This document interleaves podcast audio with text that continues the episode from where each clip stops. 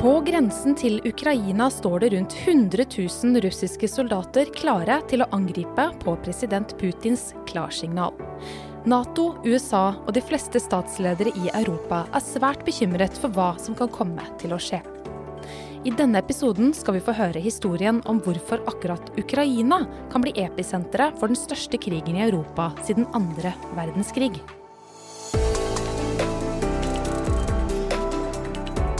Du hører på podkastutgaven av Hvor hender det? fra NUPI. Jeg heter Therese Leine. The rising tensions between Russia and Ukraine. Ukraina. Sujet de l'Ukraine. Ukraine. det som skjer i Ukraina. Ukraina er på alles lepper om dagen. Og for å forstå hvordan vi er kommet dit, så må vi nesten se på geografien og historien. Og vi har med oss eh, Tor Bukkvold, som er sjefsforsker ved Forsvarets forskningsinstitutt. Velkommen. Takk. Tor, vi starter med kartet, vi. Hvor i verden ligger Ukraina egentlig? Ukraina ligger mellom Russland og kan du si resten av Øst-Europa på et vis. Det ligger nord for Svartehavet, sør for Russland, øst for Polen og øst for Romania. Før så var jo Ukraina en del av eh, Sovjetunionen. Um, og det er derfor vi kan høre Ukraina bli omtalt som både en utbryterstat og et tidligere østblokkland. Um, hva har den historien med Russland å si for dagens situasjon? Den har vel nesten alt å si. Det er, og det går ikke bare tilbake til historien med Sovjetunionen. Det går også lenger tilbake i tida. Den første, kan du si, det man snakker om den første østslaviske statsdannelsen, den var i Kiev, det som nå er hovedstaden i Ukraina. Så både Russland, Hviterussland og dagens Ukraina kan du si sprang ut av det. Men så opp gjennom historien så ble de ukrainske områdene styrt fra delvis vestfra, delvis østfra, og i en veldig lang periode fra Moskva. Og var en del av det russiske imperiet. Så prøvde de å bli en uavhengig stat i forbindelse med den russiske revolusjonen i 1917. Eh, det lyktes ikke. Og så har de da vært i hvert fall deler av territoriet under Sovjetunionen fram til Sovjetunionens oppløsning i 1991. Mm. Og hva skjedde da? Det gamle sovjetsystemet det rasa sammen, kommunismen rasa sammen, og det store sovjetimperiet, hvis man kan kalle det det, rasa sammen omtrent samtidig. Så mange har snakka om at Ukraina på, et vis da fikk uavhengigheten litt i hodet og måtte bestemme seg hva man skulle gjøre med den. Og i 2004 så skjedde det noe i Ukraina som skapte stor splittelse. Kan du fortelle litt om det? Ja, da var det et uh, presidentvalg der uh, man hadde på, en måte på forhånd bestemt hvem som skulle vinne. Når de begynte å telle opp stemmene, så så de at det her gikk andre veien. Så forska de, uh, sånn at han som da var meninga skulle vinne, faktisk ble utropt som vinner. Det førte til voldsomme protester, først og fremst i hovedstaden Kiev. Og det, det var fredelige protester. Og de tvang da fram et, et omvalg som gjorde at han som opprinnelig hadde blitt erklært som taper, vant valget. Det var en som het Viktor Jusjinko. Dette var da starten på noe som het oransjerevolusjonen, stemmer det? Det er riktig. Det var det som kaltes eh, oransjerevolusjon. Eh, og for ukrainerne så var det nok det her, for mange i hvert fall, så var det et håp om at man skulle bryte med det gamle, litt manglende demokratiske systemet, men særlig med den korrupsjonen som hadde plaga landet helt siden 1991, siden landet ble selvstendig. Hadde dette, altså oransjerevolusjonen, hadde det med noe tilhørighet til Europa eller til Russland å gjøre? Det var en ganske klar proeuropeisk tendens. og noen ville også si antirussisk, fordi at Russland hadde vært ganske klart på at de støtta han som fyrste ved valget. Så det starta allerede der, men det handla egentlig mer om ukrainsk innenrikspolitikk enn om utenrikspolitikk. Mm. Men viktig for å forstå det som skjer i dag, da, er at i Moskva så ble det her sett på som et forsøk fra Vesten på å på en måte, lure eller å manipulere ukrainerne til å gå vest, eh, vestover. Mm. Så i Kreml kommer man til å se dette her som et Og i, Når du sier Kreml, hva ja, mener du da? Når jeg snakker om Kreml, så mener jeg da den politiske ledelsen i Russland. Ja. Det er ganske vanlig å omtale den som Kreml. Og dem eh, så på det her, og har sett på det fremdeles, som et første forsøk fra Vesten på, på en måte å ta Ukraina fra dem. da. Og så, i 2014, så gjorde Russland noe som er helt uhørt i verdenssammenheng. Russland de bare tok Krimhalvøya fra Ukraina. Hvordan reagerte verdenssamfunnet og ikke minst FN på noe sånt nå? Ja, veldig mange har fordømt det. Nesten ingen har anerkjent at Krim skal tilhøre Russland. Nå er det viktig å få med seg her at det skjedde på bakgrunn av en nesten en gjentagelse kan du si, til det som skjedde i 2004, som vi snakka om. Så det var en ny revolusjon.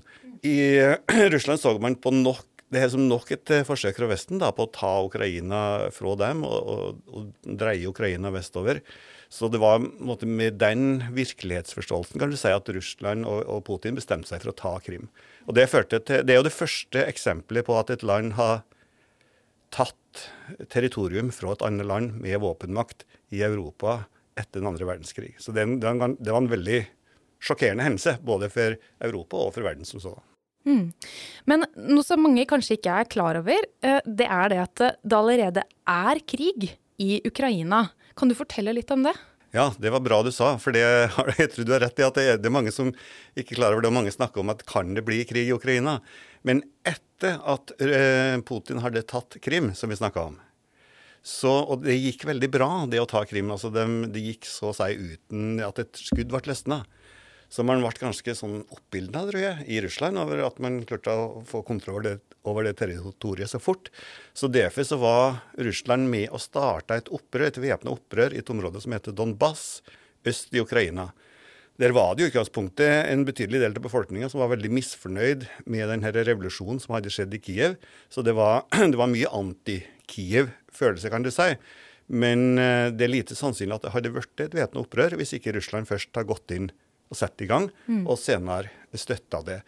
Og Det førte da til en krig i 2014-2015, som så førte til en fredsavtale, såkalte Minsk-avtalen, som ingen av partene egentlig har overholdt, men som har ført til at du har, du har ikke hatt fred likevel da, pga. den avtalen. Partene står langs en konfliktlinje helt øst i Ukraina, i Donbas, eh, men de skjøt på hverandre over denne, eh, denne delelinja Mm. Nesten hver dag. Men eh, når du sier partene i den konflikten, er dette en borgerkrig, eller er det Ukraina på den ene siden og Russland på den andre siden? Ja, Det er et veldig sentralt spørsmål. Det er mange som, eh, som diskuterer det. Russland sier at det her er en borgerkrig. Ukraina sier at det her er en krig mellom Russland og Ukraina. Jeg vil si at det er litt begge deler. Jeg vil si at det er først og fremst en krig mellom Russland og Ukraina.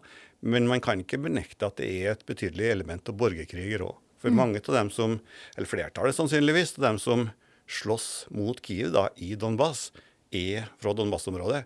I perioder så har det vært regulære russiske styrker inn og hjulpet dem. Og det har vært mye frivillige fra Russland som har kommet dit for å hjelpe dem.